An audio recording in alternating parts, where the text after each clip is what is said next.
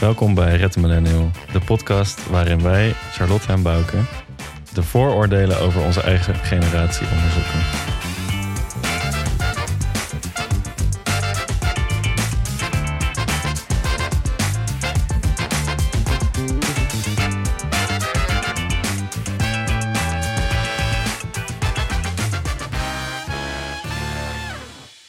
Vandaag hebben we het over telefoonverslaving. Millennials lijken verslaafd aan hun telefoon. Dus als je millennial googelt, is de allereerste foto een foto van een groep jongeren die allemaal op hun telefoon zitten. De vraag is: is dit waar? Is dit onze schuld?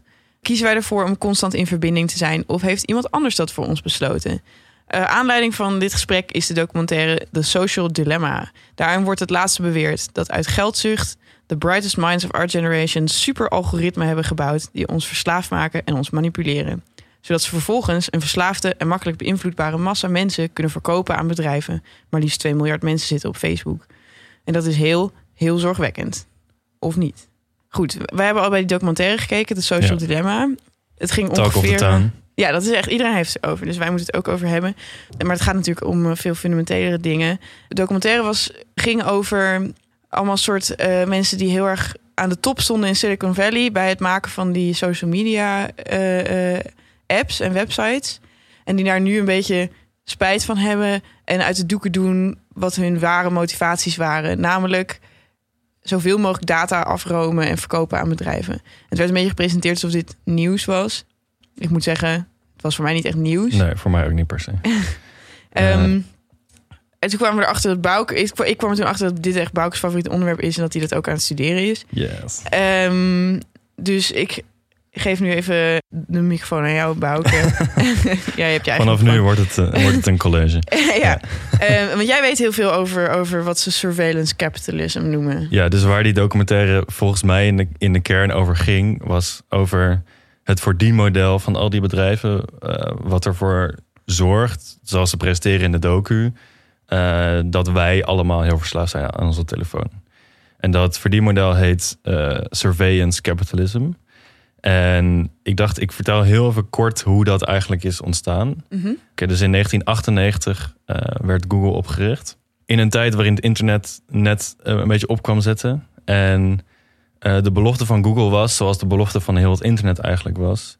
we kunnen nu gratis democratische informatie hebben voor iedereen. En Google zei, iedereen wil nu informatie. Wij maken een zoekmachine zodat iedereen informatie kan vinden. Top. En het is ook echt een van de beste uitvindingen die er misschien wel zijn. Ik bedoel, wij, kunnen, wij hebben geen één podcast gemaakt zonder Google te gebruiken. Right. Alleen, als je gratis informatie geeft aan iedereen, verdien je geen geld. En Google kwam ermee in de problemen. Rond 2000 eh, was de dotcom-bubbel. Dat eigenlijk de stekkers uit heel veel techbedrijven werden getrokken. Omdat er niet echt een idee achter zat van hoe ze geld zouden gaan verdienen. En dat is het moment dat Google zich realiseerde... hey, wij weten heel veel over wat mensen zoeken op onze site. En we zouden dat kunnen gebruiken om advertenties te kunnen maken die persoonlijk zijn. Dus, nou ja, dit weet iedereen. Maar als jij hebt gegoogeld uh, om nieuwe schoenen te kopen, dat je dan de volgende dag een reclame kan krijgen voor schoenen. En toen ze daarachter kwamen, dat was echt een soort van Eureka-moment. En toen zijn ze begonnen met al hun andere services: uh, Gmail, Google Maps, maar bijvoorbeeld ook Pokémon Go, wat weinig mensen weten, is, ook van Google. Wow. Dat allemaal best wel goede functies hebben. Zeg maar, je post is digitaal, je kaart zijn digitaal, je kan overal heen. Uh, maar het hebben allemaal als bijfunctie om zoveel mogelijk shit over jou te weten te komen. En Pokémon Go vind ik, daar, vind ik zelf daar het leukste voorbeeld van. Uh, dat is eigenlijk een soort van de stand-in van Google Glass. Dus je had Google Glass, waarbij uh, Google dus dacht wow, dan kunnen we letterlijk zien waar mensen naartoe kijken. Nou, dan kan je dus echt heel veel weten over wat trekt iemand aandacht, hoe kan je iemand erbij houden. Niemand gebruikt Google Glass, want die dingen zijn gewoon fucking lelijk en, en onhandig. en toen hebben ze Pokémon Go opgericht, wat eigenlijk precies hetzelfde doet. Uh, je kijkt door je telefoon naar de wereld en Google kan meekijken. Waar kijk je heen? En de Pokémons uit Pokémon Go, en dit laat heel mooi zien hoe dit verdienmodel werkt. Uh, als bedrijf kan je, kon je zo'n Pokémon kopen van Google. Dus er is een pizza-restaurant in New York dat een van de zeldzaamste Pokémon had, had gekocht. En die stond dan op een barstoel in die pizzatent. Waardoor eh, de verkoopcijfers van die pizzatent dat weekend met 60% omhoog gingen. Omdat er gewoon tering veel mensen die Pokémon kwamen halen daar. Goed, dit, dit is hoe dat, hoe dat verdienmodel werkt. Dus je wil zoveel mogelijk informatie van mensen. Dat stop je in algoritmes die kunnen uitrekenen... wat ga jij doen in de toekomst of wat, wat, waar ben je geïnteresseerd in. Dat noemen ze dan een prediction product. Of dat noemt Shoshana Zuboff, de schrijfster van het boek Surveillance Capitalism, prediction products. En wat, ik, wat heel belangrijk is, denk ik, voor, de, voor dit systeem en voor de hele aflevering, is dat de neiging van dit systeem is inherent. We willen zoveel mogelijk data, want hoe meer data je hebt, hoe zekerder je kan weten wat jij in de toekomst gaat doen. Is misschien een, een, een eh, twijfelbare aanname, maar goed. Om zoveel mogelijk voorspelbaarheid te krijgen, om zoveel mogelijk geld te verdienen. Oké, En Google is niet de enige. Facebook, zeg maar, alle internetbedrijven gebruiken dit model. Basically. helder. Ehm, ik weet, ik merk dat er rondom deze vooruitgang, want ik noem het nu nog even vooruitgang, Ja. eh, eh, eh, zijn er een heleboel twijfels. Want data van jou wordt niet alleen gewoon gebruikt, maar het wordt vaak geformuleerd als het wordt gestolen. Ja. Eh, eh, eh, en alsof je wordt leeggezogen op een of andere manier. Ja. Wat ik me afvraag, en ik, ik moet hierbij contextualiseren dat ik zelf een hele naïeve gebruiker ben van mijn smartphone en van al dit soort apps. En Mhm. dat ik nooit heb verdiept in privacy. Ja. Nog in dataverzameling, wat dan ook. Het maakt me allemaal geen fuck uit. Ehm, ik vraag me af, is het niet de zoveelste technologische ontwikkeling waar we bang voor zijn? Er, er, we hebben toch elke keer dat er zoiets gebeurt, slaat er iemand alarm en zegt: eh, dit komt van de duivel, of eh, dit is gevaarlijk voor ons, of dit maakt ons dommer, of dit maakt ons, brengt ons in gevaar. Ik moet denken aan de eerste Amerikaanse president die elektrische verlichting in het Witte Huis had. Die durfde zelf niet op de lichtknopjes te drukken. Die had daar een lakai voor. Ehm, Waarom is, is nu onze toon hierover zo anders? Steve Jobs had het bij het oprichten van Apple over dat een computer een bicycle for the mind Ja. Zou zijn. Ja. Waarom is dit niet een bicycle for the mind? Waarom, waarom, waarom is dit iets waar- we bang voor moeten zijn? Ja, ik denk dat, dat het belangrijk is om hier eerst een onderscheid te maken tussen eh, de telefoon en de apps. De telefoon kan best een bicycle for the mind zijn.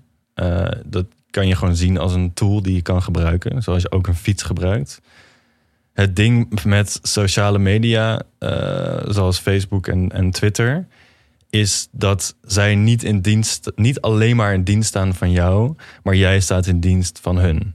En jij, jij staat nooit in dienst van je fiets. Het is niet alsof jij iets doet waardoor de maker van jouw fiets constant geld verdient. Doordat jij aan het fietsen bent. Behalve een swapfiets. Behalve een swapfiets. Oké, daar, daar, ja, interessant. Ja, dat kan je best zeggen. Maar het ding met, met Facebook is dat doordat jij de app gebruikt en zij stelen dus jouw data. Ik vind dat een heel goed woord, omdat eh, ze verkopen het en jij ziet er niks voor terug. Eh, en de app is ontworpen om jou zo lang mogelijk eh, op die app te laten besteden. Dus het verschil is met een fiets en Facebook dat wij zelf het product zijn. Terwijl de fiets is het product, wij zijn de gebruiker. Bij Facebook is het andersom. Wij zijn de gebruikers. Facebook gebruikt ons, Oh ja. Zou ik zeggen. Nou ja, ze, hoe ze het in de documentaire formuleerden was het dat vroeger maakte Silicon Valley tools. Nu maken ze verslavingsmachines. Ja, precies. Ehm, eh, ik heb het idee dat wij ook altijd dat eh, ze hebben het ook over dat we het idee hadden dat ehm, technologie ons voorbij zou streven en beter dan ons zou worden. Ja. Maar dat het eigenlijk in werkelijkheid alleen maar slechter dan ons is geworden. Wel krachtiger, maar, maar dat ze het slechtste in ons naar boven brengen. Ik, vind, ik moet altijd denken aan, ehm, aan hele vroege krantenstripjes over sms en de tieners. Eh, waarin dan vaak door, die worden dan door boomers getekend over hun kinderen. Mhm. Eh, waarin de, de app en de eh, tieners die hebben dan hele grote duimen. Dat is dan altijd een verschil tussen een generatieverschil of je met je wijsvinger en met je duim hebt. Dus in die stripjes hebben de kinderen dan. ze zijn geëvolueerd. Ze hebben hele grote duimen gekregen om des te sneller te kunnen appen. Ja. Dat is een soort aanname van ons, is dat wij meegroeien met de technologie die wij maken. We leren het echt goed gebruiken. Ja. Maar het beeld dat er werd geschetst in de documentaire is dat wij helemaal niet goed hebben leren omgaan met die technologie. We gaan er zelfs aan ten onder. We kunnen er helemaal niet tegen. Ja, sterker nog, we zijn, wat ze in de docu heel erg duidelijk maken, is dat wij juist zo zijn geëvalueerd dat we eh, heel bad gaan op dit soort apps. Omdat ze heel erg inspelen op ons, eh, op ons limbisch systeem in ons brein. Dat alleen maar gaat om pleasure en pain. Eh, en het op die manier ons inderdaad een beetje verslaafd maakt. Dus dan werkt onze evolutie misschien zelfs tegen. Maar oké, Eh. hier begin ik toch wel weer twijfels te krijgen. Ik had, ik had een hele cynische blik tegenover deze documentaire. Ik vraag me, waar hierin is de vrije wil? Het was, ze hebben dan een verslavingsdeskundige uitgenodigd. Zij zegt, eh, nou, het effect van kort van een sociaal berichtje krijgen... dat heeft echt net zo'n effect op je brein als een hit van een drug... of Ja. iets anders verslavends. Ja. Ehm, ik ben toch niet controlled by the algorithm? Ik moet denken aan die tweet van... How is cyberbullying real? Just close your laptop, bro. Ja. Eh, ik denk ook dat het hoe how is telefoonverslaving real? Leg het gewoon weg, bro. Ja, nee, en de- ik, ik, daar, wil ik, daar, daar ben ik het ook wel een beetje mee eens. Er is een soort van idee dat wij eh, wezens zijn zonder autonomie, die gewoon geven ons iets en we gaan er voor altijd naar kijken. Een Mhm. soort van, ja, Dat was wel het frame. Ze hadden zelfs, ze hadden Ja. zelfs het soort verbeeld met een hangend poppetje ja, dat slaafs reageerde op prikkels. ja, van Ik- wij zijn de zombies. Ik herken mezelf daar niet in. Nee. Eh, dat gezegd hebbende, ik heb mijn schermtijd uitstaan op mijn telefoon omdat ik niet wil weten hoeveel ik erop zit. Ik wil het gewoon niet geconfronteerd worden door die informatie. ja, dus je steekt misschien ook wel met je kop in het zand voor die verslaving. Ik moet, ja, ik moet denk ik nu eh, een vergelijking tevoorschijn halen die ik heel vaak tevoorschijn heb gehaald in gesprekken over Facebook en dat het onze overlords zijn. Mhm. Ik weet niet of ik dit nog steeds helemaal geloof, maar jij hebt er geloof ik allerlei dingen over te zeggen. Ehm, ik vind dat als je met een vliegtuig gaat, dat je dan niet het recht hebt om tijdens de security te zeggen van waarom moet ik mijn schoenen uitdoen? Waarom moet ik mijn shit door de scanner halen? Eh, dat is een schending van mijn privacy Mhm.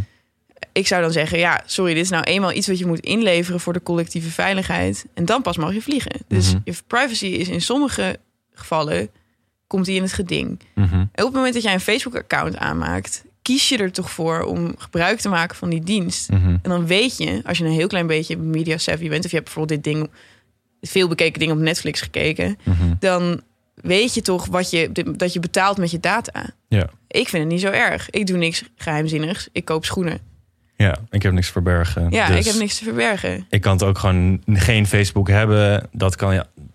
Niemand dwingt je Niemand dwingt je, kijk, niemand dwingt je het vliegtuig in. Het Ja. is moeilijk om niet te vliegen nu. Het is ook moeilijk om geen Facebook te hebben. Maar wederom, je wordt niet met je handboeien eraan vastgeketend. Oké, er zijn twee redenen voor mij waarom dit argument totaal niet opgaat. Oké. Eh, de eerste is, als je geen Facebook hebt, heb je alsnog een Facebook-account.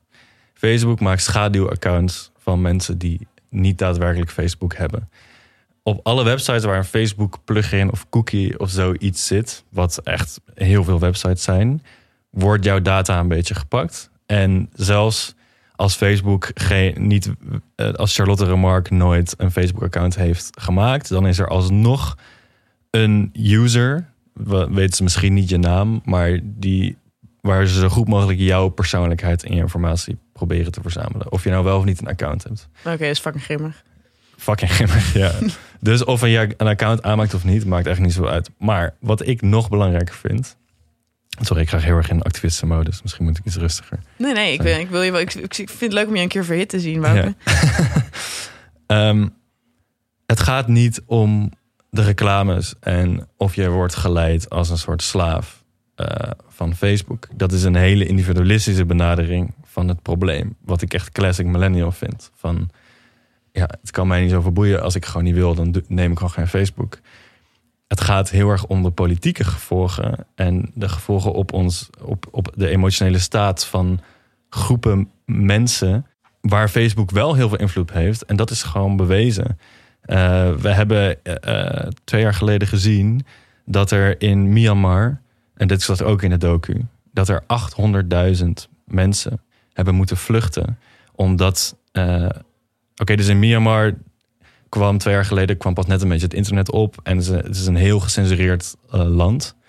En de mensen die daar een smartphone kochten, eh, voor hun eh, kregen ze niet de app Chrome of internet erop, maar ze kregen alleen de app Facebook. Dus voor die mensen was Facebook gewoon de waarheid. Hoe kwamen zeg ze erbij? Om dat te doen? Ja, Ja, dat weet ik niet precies. oké. Nee. Maar en dus het Facebook-algoritme werkt zo dat er wordt heel erg geprobeerd om zo een emotioneel mogelijke feed te maken voor iedereen. En daarmee bedoel, bedoel ik dat ze zoveel mogelijk sensatie in je feed doen. Facebook heeft een keer een experiment gedaan op 600.000 mensen. Waar je trouwens ook akkoord mee gaat zodra je op Facebook zit. Dat je wordt gebruikt als een, als een, uh, als een rat in een lab. Daar hebben ze een experiment gedaan waarbij ze de ene helft van de groep uh, liet ze gewoon een, een neutrale feed zien. En de andere helft van de groep gingen ze hele positieve dingen in de feed stoppen of hele negatieve dingen in de feed stoppen. Waar kwamen ze achter? Hoe meer negatieve, emotioneel beladen shit er in jouw Facebook-feed staat, hoe groter de kans is dat jij iets post op Facebook en hoe groter de kans is dat je veel op Facebook gaat zitten. Oftewel, Facebook probeert gewoon om jou zoveel mogelijk negatieve dingen te laten zien. Oké, als we dat toepassen op de situatie in Myanmar, waar dat uiteindelijk heeft toegeleid, is dat er 800.000 mensen van de uh, Rohingya, wat een, wat een bevolkingsgroep is die onder andere in Myanmar woont van moslims. Islamitische, oh ja, ja. Dat daar massaal dorpen en steden waar die mensen woonden uh, in de fik zijn gestoken. Waarin mensen massaal zijn afgeslacht. Vrouwen, heel veel vrouwen zijn verkracht. Um, het was dusdanig onveilig voor die mensen dat er dus 800.000 mensen uit Myanmar weg hebben moeten vluchten. Omdat de hele bevolking, oké, niet volledig aan zijn Facebook, dat zou ik niet zo sterk zeggen, maar wel mede door Facebook helemaal was opgeruid.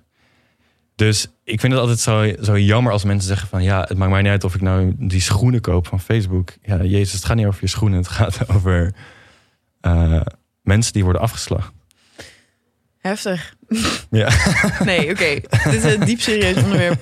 Ik, ik, ik, ik, ik, weet van de Rohingya's. Uh, uh, wat ik me wel altijd heb afgevraagd bij dit, deze situatie. En weer, toen, weer toen ik tegenkwam in de documentaire. Mm -hmm. Is waarom pretenderen we dat geweld iets is van deze tijd? Ik bedoel, religieus geweld is van alle tijden. Op massale schaal. En dat was zonder internet. Ja. Het lijkt mij dat dit ook een soort boeman is om een vinger op te richten. Het internet. En, en dat er. Kijk, in de documentaire werd op een gegeven moment. enige statistiekje wat ik wel echt heel erg hartverscheurend vond. Daarvoor was het eigenlijk niet te ontkennen dat het te maken had met social media.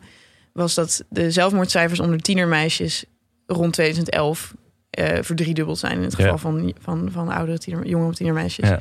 En dat, dat, was, dat, dat vond ik, daar konden ze eigenlijk niet naar een andere reden voor vinden dan de sociale druk om perfect te zijn. Ja.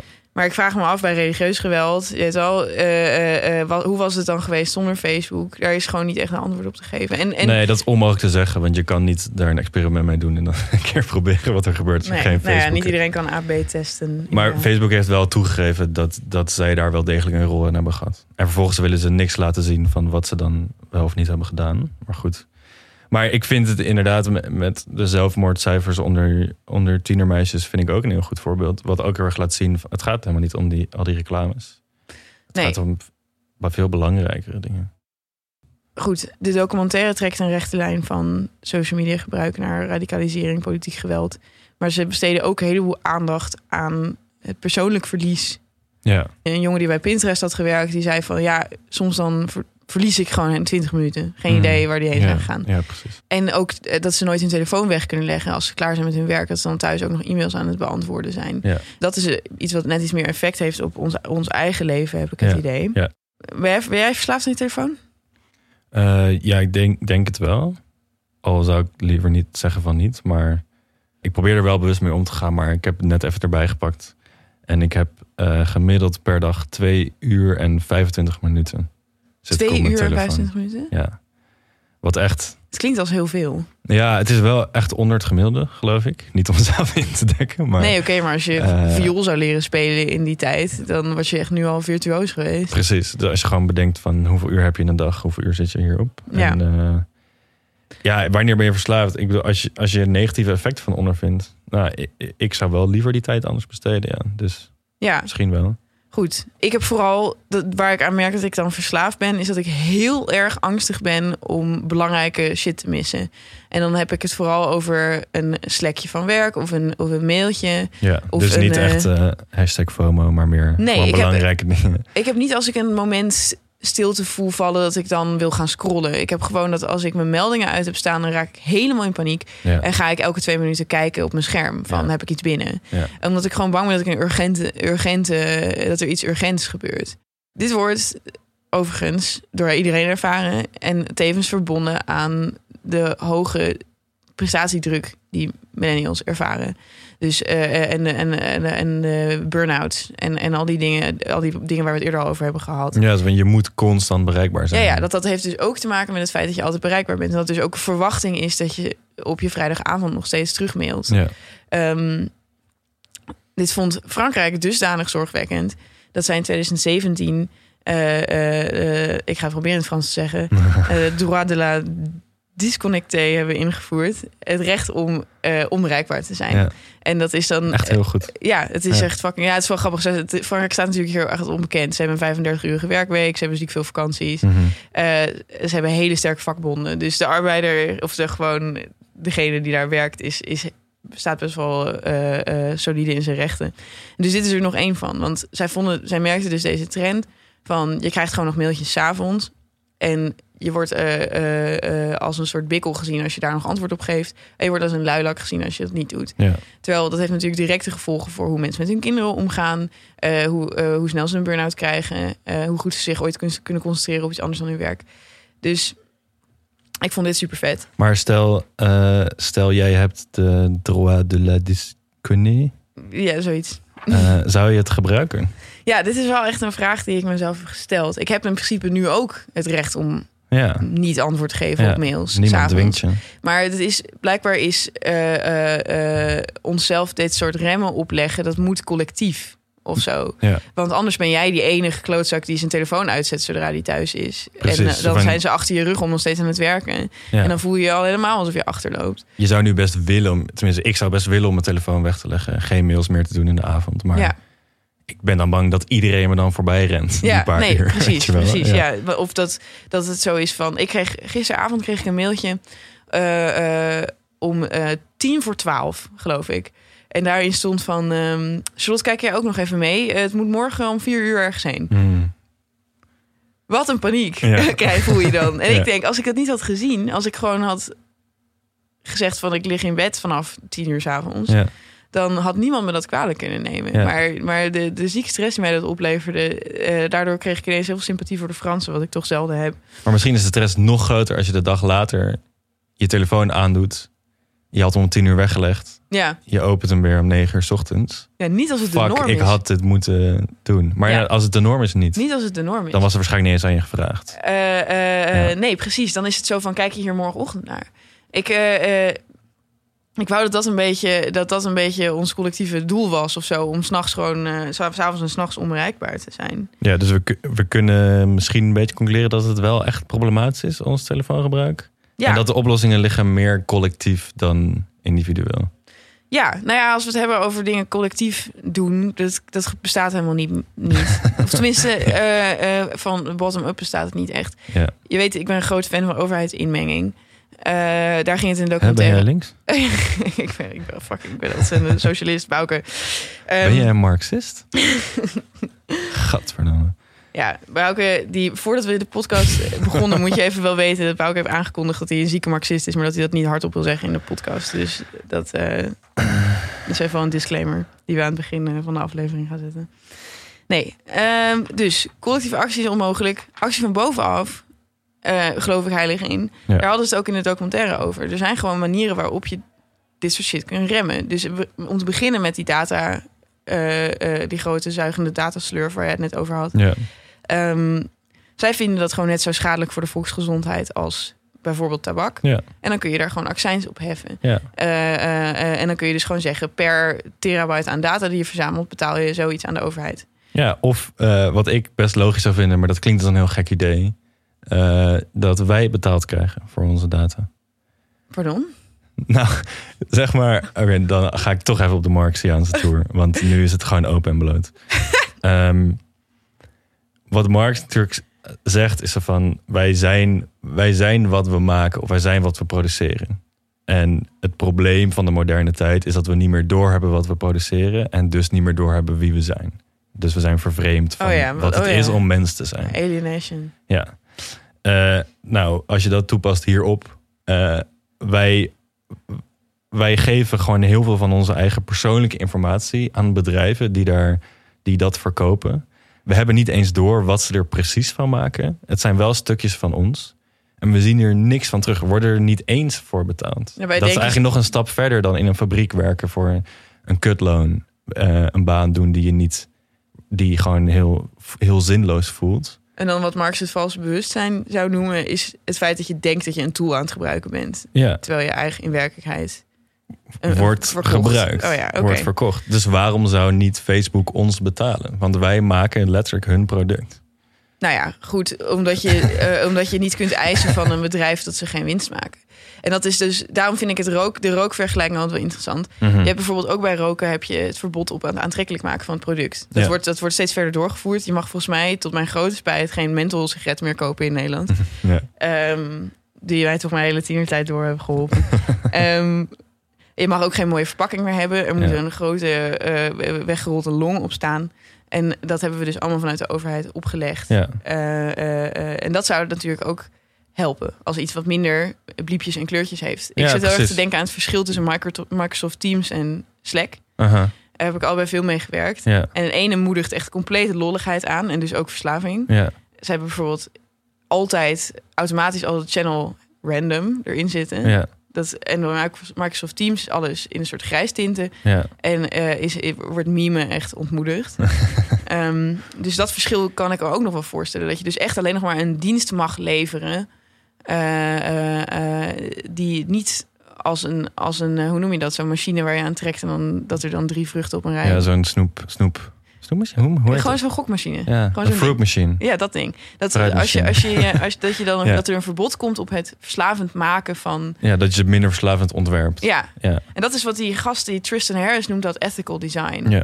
Eh, hij hamert daar altijd op in die, in die documentaire. Hij heeft er ook heel veel over geschreven. Ja. Hij zegt dat er wel, wel degelijk een toekomst denkbaar is waarin eh, eh, dit soort bedrijven, zoals Google en Facebook, dat die hun, hun ontwerp ethical maken. Ja. Ik vraag me af van.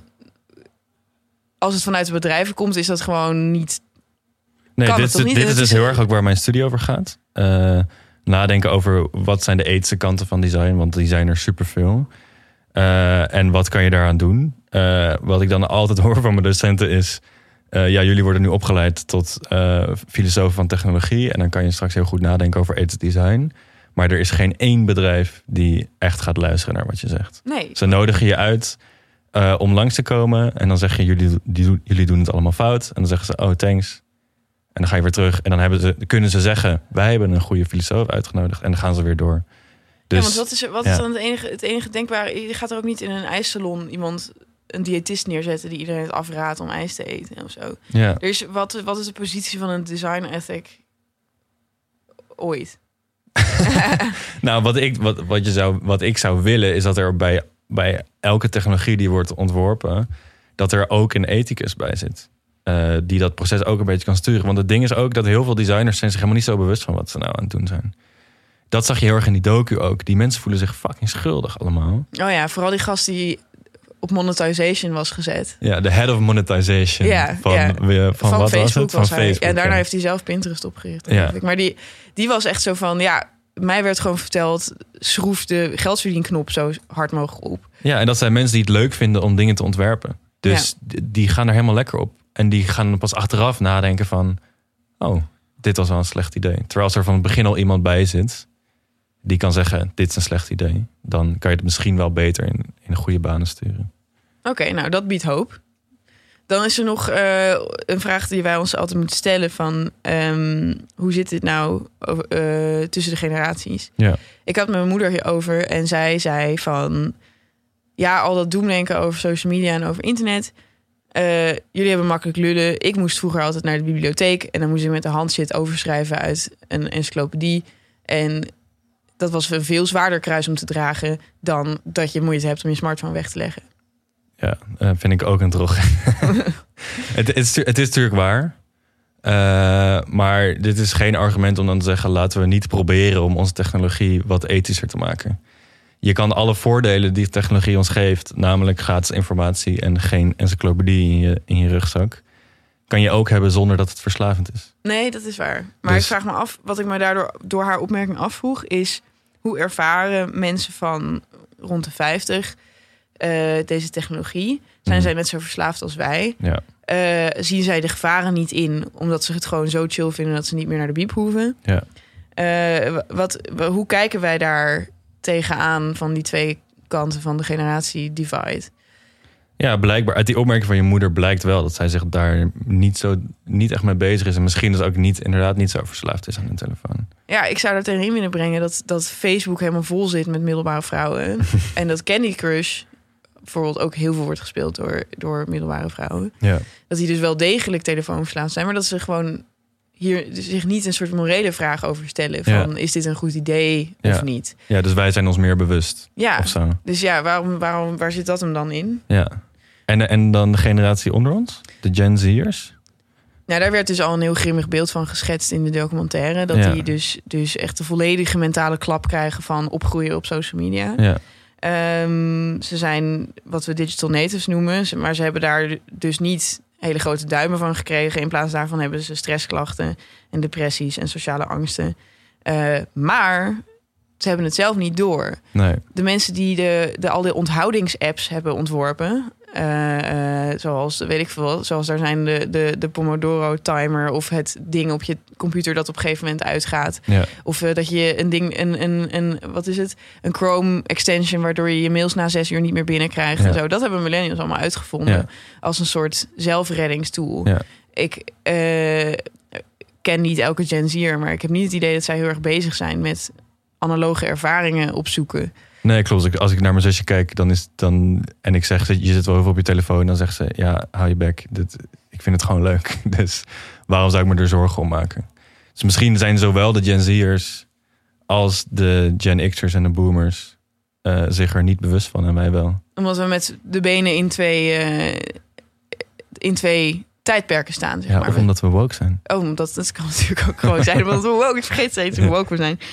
Ehm, maar oké, we zijn ons dus wel bewust hiervan. Ik ken een heleboel mensen die gewoon, die gaan dan bijvoorbeeld een weekendje detoxen. Die gaan dan in een, in een jurt liggen eh, en dan laten ze hun iPhone thuis. Ja. Eh, of ze nemen dan bijvoorbeeld in plaats van een iPad nemen ze een e-reader. Of, eh, of ze gaan weer helemaal op papier Ja. studeren, zeg maar. Ja. Ehm, Of ze kopen dvd's. ja, ze gaan dvd's kopen.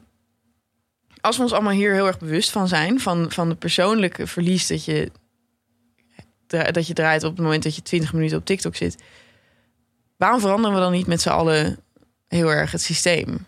Ja, dat is dus, dat vind ik altijd inderdaad van dit soort oplossingen zijn allemaal heel individualistische oplossingen. Ik trek me terug.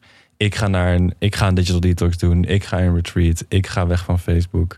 Allemaal ik, ik, ik, ik, ik. Terwijl we vergeten misschien, hoe woke we ook zijn, om ons ook tegen het systeem uit te spreken. In die zin is het wel hoopgevend dat er nu op, dat wat is het, op nummer drie meest bekeken ding in Nederland is nu die documentaire op Netflix. Ja, Netflix super mainstream. Wat ik ook trouwens, dit is nog even een klein zijspoor, maar Netflix, Mhm. ongeveer koning van de aandacht vasthouden. Die zijn helemaal bij hun algoritme is echt helemaal gericht op dat je zo lang mogelijk op Netflix blijft. Er gaat meteen iets afspelen op het moment dat jij klaar bent met kijken. Als je met je muis ergens overheen hovert, gaat het al afspelen. Je suggesties worden de hele tijd precies op jouw internetgedrag afgestemd. En er wordt Geen over woord, hè? Ja, viel me ook heel erg op. ja. Eh, eh, eh, dat is gewoon niet eens over streamingdiensten Ja, hebben gepraat. Waarschijnlijk is dat een afspraakje Dat, geweest dat, dat kan haast niet anders. Ja. Dus dat was wel een beetje sneaky. Het verschil is wel, voor Netflix moet je betalen. Dus dat, dat is dan ineens, wordt dan niet meer je klikgedrag verkocht aan enge bedrijven. Nou, waarschijnlijk wel. Ja. Slecht argument. Anyway, ik denk dat er een revolutie aankomt. Door deze documentaire. Hashtag Marx. Ja, daar zouden ze een flitsende docu over moeten maken. Over Over marxisme. Karl Marx. Ja. Ja. Nee, eh, dank voor de, voor de, voor de wisdom, eh Bouke. Ik denk dat ik nu wel een stuk bewuster ga omgaan met social media. Nou, fijn. Graag gedaan. En jullie hopelijk ook. Alright. Zo, Ja, dat was eh, een hele hoop informatie. ja. Heb jij nog een beetje gemillenniald afgelopen week? Ja, ik heb wel, wel een millennial momentje. Het is alleen wel van, meer vanuit het perspectief van mijn vriendin.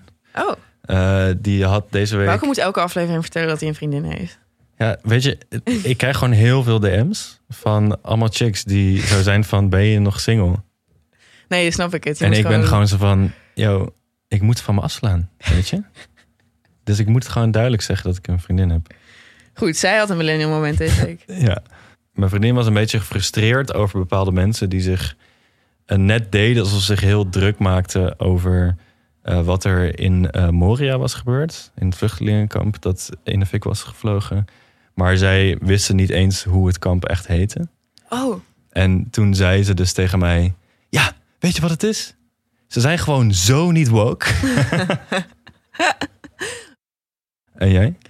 Ja, ik heb ook zelf deze week heb ik me heel netjes gedragen. Maar iemand anders in mijn omgeving was wel echt zieke millennial. Eh, ik had wat mensen te eten op veilige afstand. En eh, eh, een jongen die daar was, die wilde heel graag indruk maken op een vriendin van mij. En die heeft toen tot twee keer toe via Uber Eats een fles champagne besteld. Gewoon met twee uur ertussen. In de eerste keer dat hij het deed, was de supermarkt nog open. Dus als we het hebben over afhankelijk zijn van technologie, was dat wel echt een soort Ja. super schrijnend voorbeeld, vond Ja. ik. Maar het was om, om te flexen naar die Ja, volgens mij was het om te flexen en het is nog gelukt ook. Want er is flink genaaid. En dat was te danken aan de champagne. Ik, ja, ik kan het haast, haast nergens aan, anders aan de, aanwijzen. Maar dat is echt heel grappig. Hartelijk bedankt voor het luisteren. En ook bedankt aan Dag en Nacht Media, waar wij onze podcast opnemen. En onze producer, Suzanne Moedeke. Ik wil ook Roos Vervelde bedanken voor het maken van het logo.